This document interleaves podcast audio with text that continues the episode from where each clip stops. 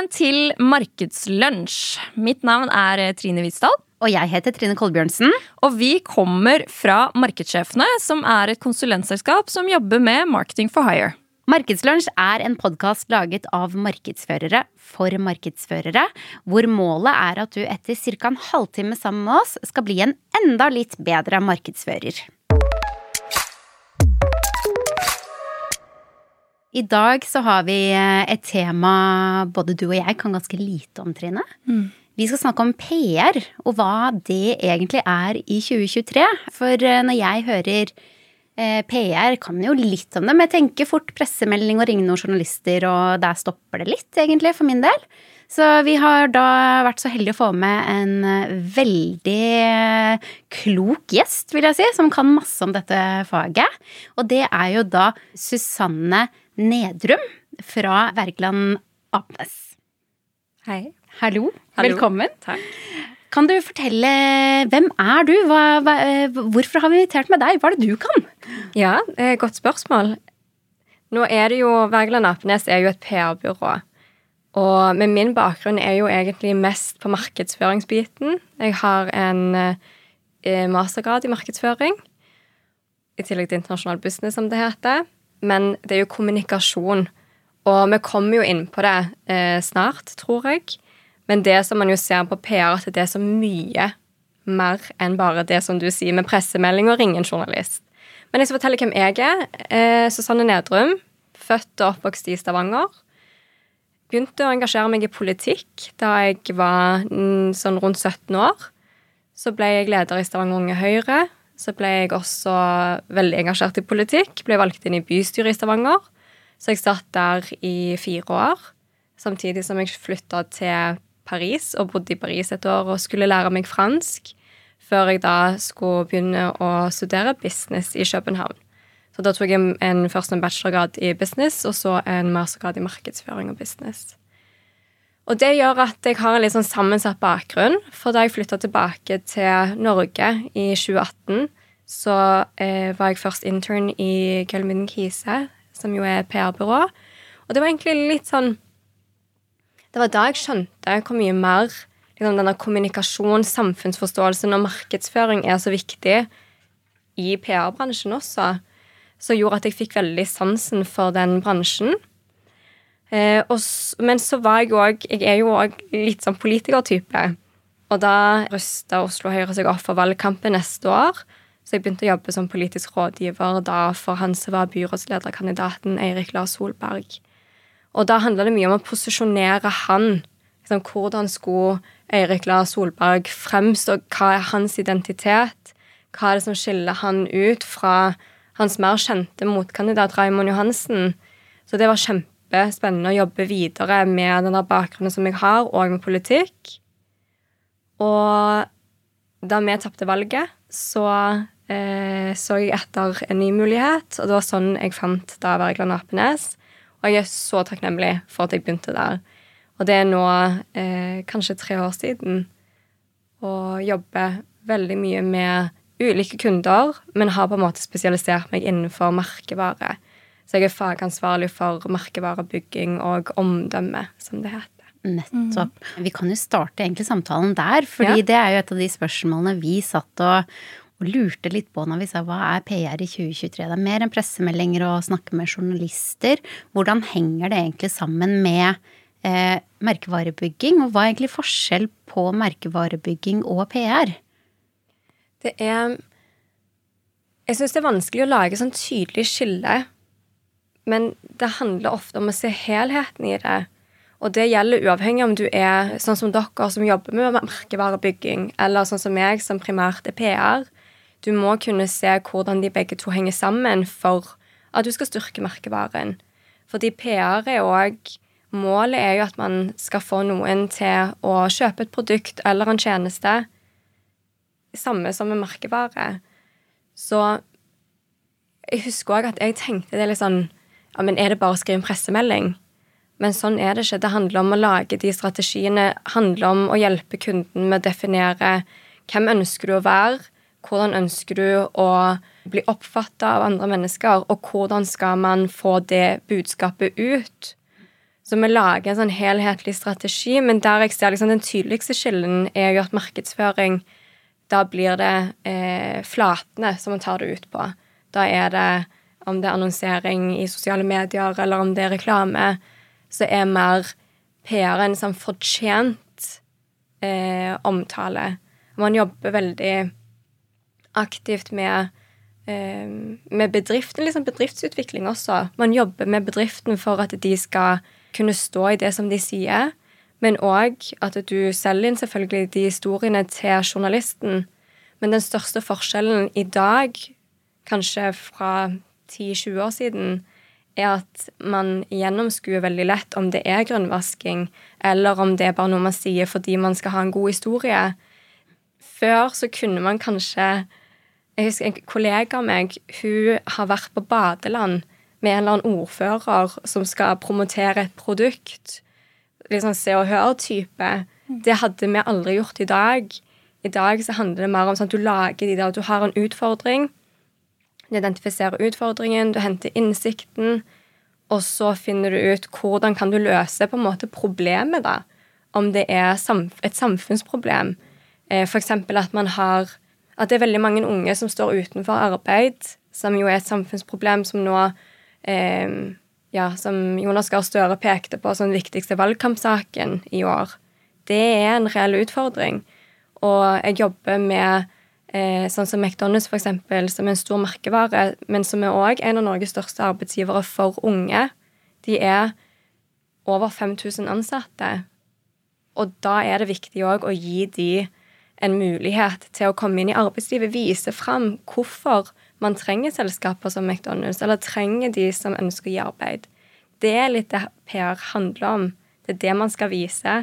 Og det kan man også gjøre selvfølgelig gjennom reklame, men det er òg viktig å vise det gjennom eh, den forståelsen til, til, politikerne. Politikerne skjønner det. Eller eh, ja, intern kommunikasjon. Det er òg en del av PR. Mm. Så vi gjør mye forskjellig. Verdens lengste svar, det, da. ja, men altså, hvordan er det man egentlig tar tak på det her? La oss si vi har kunde ABC som kommer og sier hei, vi har lyst til å jobbe med PR framover. Eh, hva gjør dere da? Si.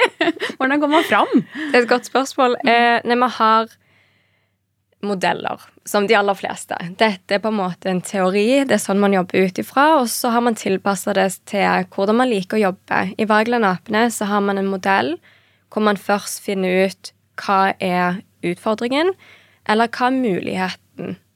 Så hvis man har en kunde som kommer inn, har veldig lyst til å vise hvorfor sitt produkt er det beste, så må vi først gjøre en undersøkelse. Okay, hva er oppfatningen i dag? Er det rom for dette produktet? Eller hvordan skal de posisjonere seg? Hvordan skal de skille seg ut fra konkurrenter? Men òg hva er deres ambisjon sånn hva er deres reason to exist, på en måte. Og da gjør vi undersøkelser på Vi tar um, Vi gjør intervjuer med ofte ledergruppen og de ansatte, men også gjør intervjuer med eksterne. Uh, definere det som kan være en målgruppe, eller så gjør man bare en sånn litt eh, tilfeldig undersøkelse. Men finn ut av hvordan blir det oppfattet i dag, og om det er behov. Og basert på det så har vi identifisert kanskje tre hovedutfordringer og tre muligheter som man da jobber videre med. Og um, hvis en av de er internkommunikasjon, f.eks., for fordi man har et godt produkt, men det er ingen egentlig i bedriften din som vet hva man holder på med, så går man jo glipp av veldig mange gode ambassadører for det produktet. Så det kan være en utfordring, og så jobber man med det. Da lager man en plan. Og det kan være at man har korte videosnutter som forteller om hvem man er, og hva, hva er grunnen, hva skal man gjøre de neste månedene. Det kan òg være et problem at man ikke har troverdighet i Norge, f.eks., eller at man ikke har troverdighet blant forbrukerne. Da må man òg se hva er grunnen til det, og finne ut hvordan man kan løse det. Så kan det jo òg være at man vet at en målgruppe er veldig opptatt av en, en trend F.eks. bærekraft, som er jo kjempeviktig. Men så må man jo òg vite at det er ikke grønnvasking. Du må kunne bli utfordra på det og vite at det er noe som bedriften faktisk bryr seg om. Finne bevishistoriene. Akkurat. Ja. Mm. Så jobber, vi jobber veldig mye med det, faktisk. Å finne Ja. de bevisene. Og det handler om å kjenne kunden. Og jeg tror der skiller Wergeland Apenes seg ganske fra Nå kjenner jeg ikke alle PR-byråene, men vi gjør veldig lite av de der enkeltstående tiltakene, sånn stunts, på en måte. Ja, Vi er veldig opptatt av at det skal ha en strategi, at det skal ligge en, en tanke bak hvorfor man gjør det man gjør. At man skal ha et mål, og så skal man oppnå det. Så vi jobber ekstremt strategisk. Og det liker jeg pga. denne businessbakgrunnen som jeg har. Men det gjør òg at jeg føler at jeg er med på å få en bedrift til å faktisk bli bedre, men òg til å oppnå sine forretningsmål. Ikke bare at jeg vil ha en pressemelding fordi jeg syns det var et godt budskap. Mm, fordi jeg jeg har det lyst ut? til å si det. Fordi jeg har lyst til å si det. Mm. Men da utfordrer vi alltid sånn Hva er det du har lyst til å si, og hvorfor? Mm. Og kommer det til å treffe den målgruppen? Og hvordan kommer det til å treffe målgruppen? Mm. Det er en stor forskjell på det å være en rådgiver og å bare være en som jobber med PR.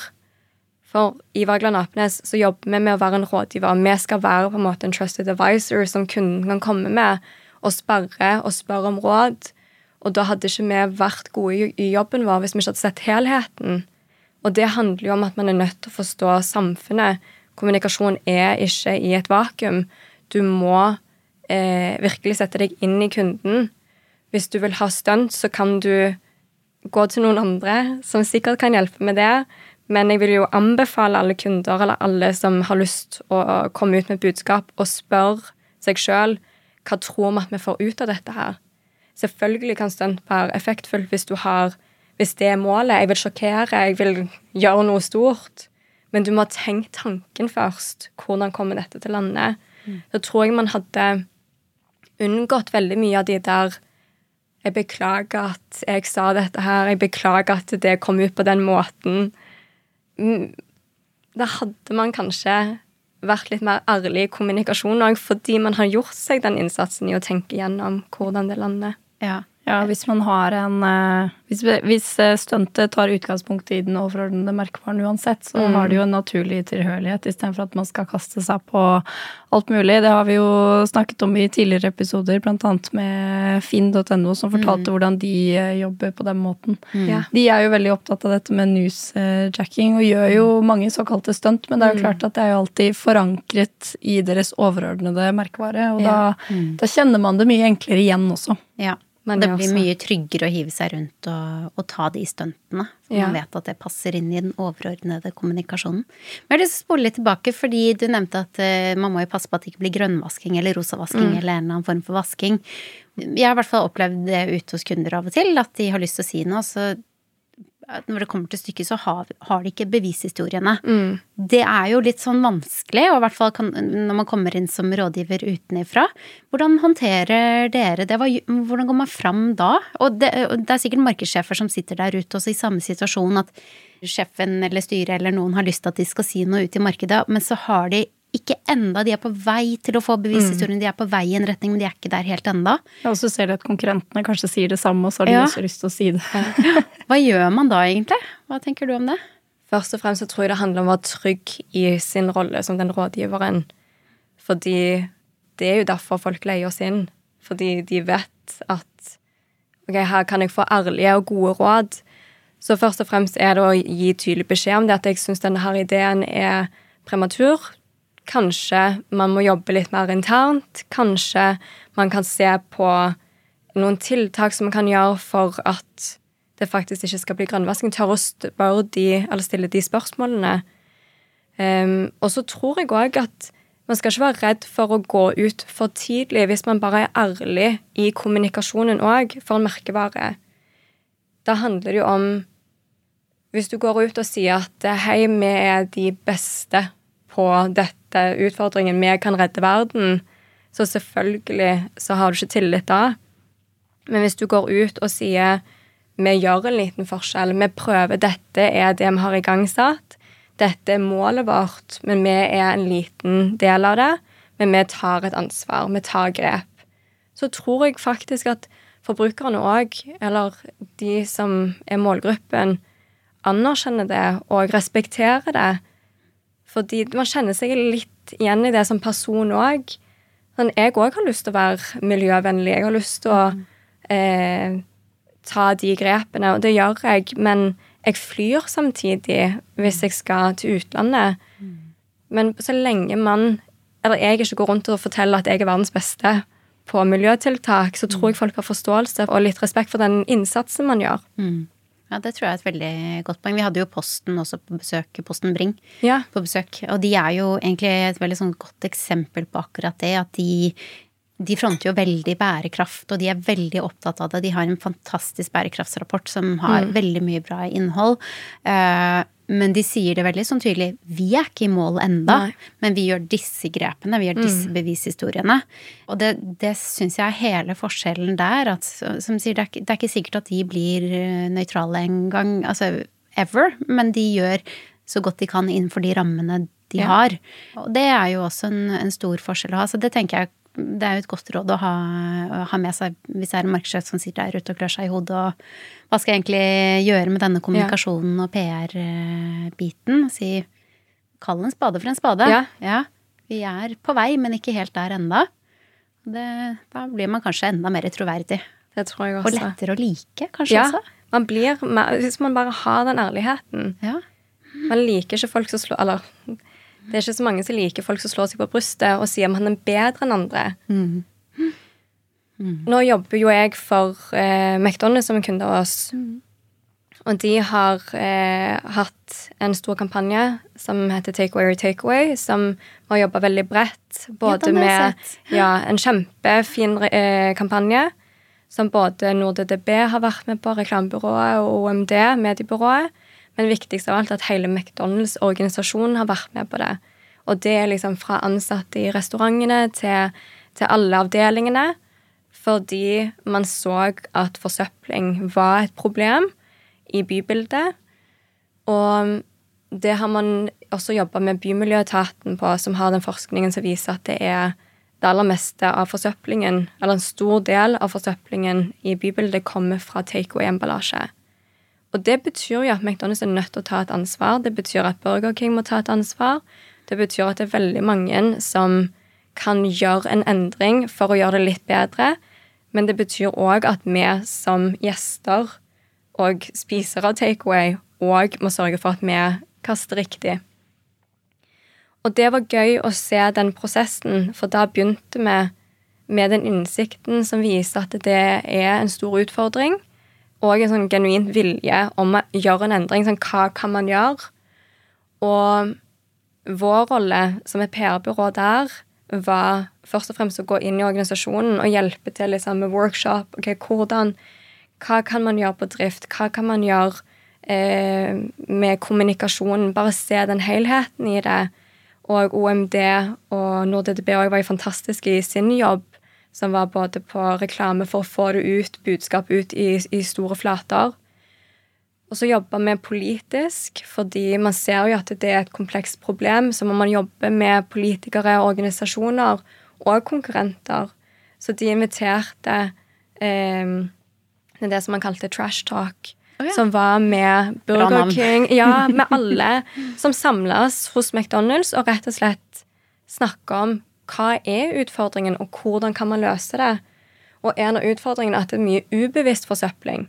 Så hvis man ikke sjøl ser at man bidrar til forsøpling, så er det jo vanskelig å løse det.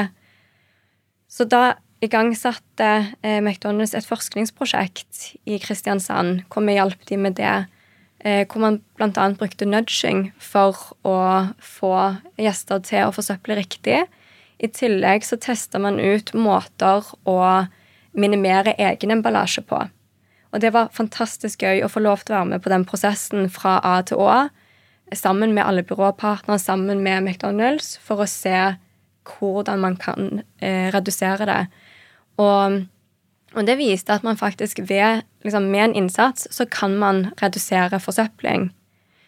Men det å men den ærligheten i kommunikasjonen som McDonald's har hatt, det er den som jeg vil berømme. For de går ut og sier vi er en stor, eller vi er en del av problemet, men vi må ta et ansvar. Alternativet er jo ikke å fjerne all emballasje pga. mattrygghet. Alt, på en måte. Så det hadde jo selvfølgelig vært en enkel løsning. Ja, men bare kutt all emballasje. Men det hadde ikke fungert eh, i praksis.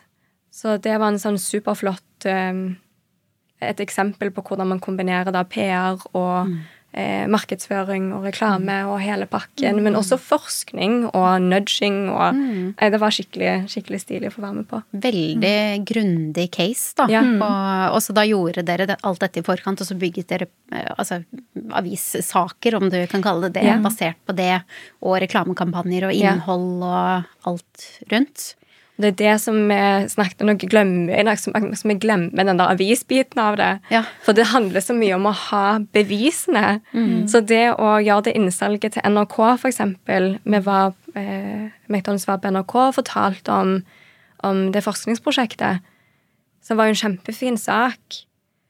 Men formålet med å være på NRK var jo ikke for å få det presseklippet, men formålet var å fortelle flere om hva man er i gang med, og hvorfor det er så viktig å ta tak i forsøplingsproblematikken. Mm. Så når man da har en god sak og et sånn genuint engasjement, så er det jo òg lettere å få presse. Mm. Så det henger så tett sammen med helheten.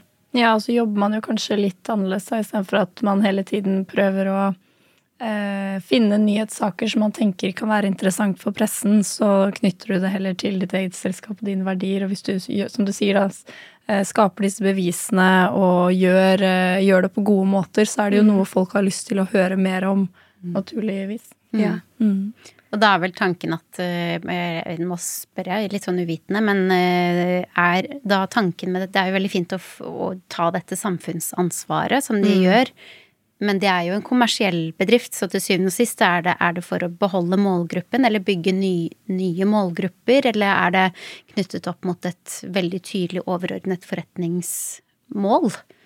Det, er, det med samfunnsansvar er så viktig for alle i dag. Og det er man ser jo òg at sånn, til og med investeringsfond har det som en kriterie hvis de skal Eller noen investeringsfond har det som en kriterie. Mm. Men det er òg reguleringer, forventninger, forventninger fra forbrukere. Det er viktig, men det er òg viktig for ansatte. Mm. Så hvis ansatte, i, uavhengig av hvilket selskap det er, skal ha et ønske om å jobbe der, mm. så er det jo bra at man også kan se at bedriften tar et ansvar. Mm. Så det er en sånn helhet i det. Det er en, eh, en utvikling i samfunnet som bedrifter må bare følge med på. Mm. Vi har diskutert veldig mye det i Wergeland Apenes. Det med samfunnsansvar. Fordi man ser at det er viktig, og det er viktig å identifisere hva din rolle skal være. Men så har vi òg vært sånn hvis du er en tallerkenprodusent i Porsgrunn, eksempel, skal du ha et samfunnsansvar da? Skal du gå ut og fortelle om det, eller holder det at du bare eh, lager en pressemelding om de nye tallerkenene som kommer ut, mm. f.eks.? Og det er jo selvfølgelig avhengig av, av, bedrift. Men det er jo noe i meg, men det er jo fordi jeg er veldig samfunnsengasjert, mm. som ser at man er denne helheten. Selv om man er da, la oss si, en liten bedrift i Porsgrunn, så er jo du så viktig for Porsgrunn, da med arbeidsplasser. Og det er på en måte en form av samfunnsansvar. Så er det jo noen selskaper som ikke driver med så gode ting. Kanskje ikke de har tenkt på det samfunnsansvaret, men jeg tror eh, de aller fleste som bidrar til arbeidsplasser, bidrar til verdiskapning, bidrar til at noen får god mat eller produkter eller hva det nå er, de bidrar på en eller annen form og tar et samfunnsansvar. Og vi kan hjelpe dem liksom med å definere hva det er, da, vel å merke. Mm. Dette med samfunnsansvar det skal vi snakke litt mer om i neste episode. Vi har vært så heldige å få låne ditt kloke hode til to episoder. Så takk til dere som lyttet i dag. Og hvis dere venter to uker, så får dere neste episode på luften. Så da høres vi nærmere da. Takk for i dag. Takk for i dag.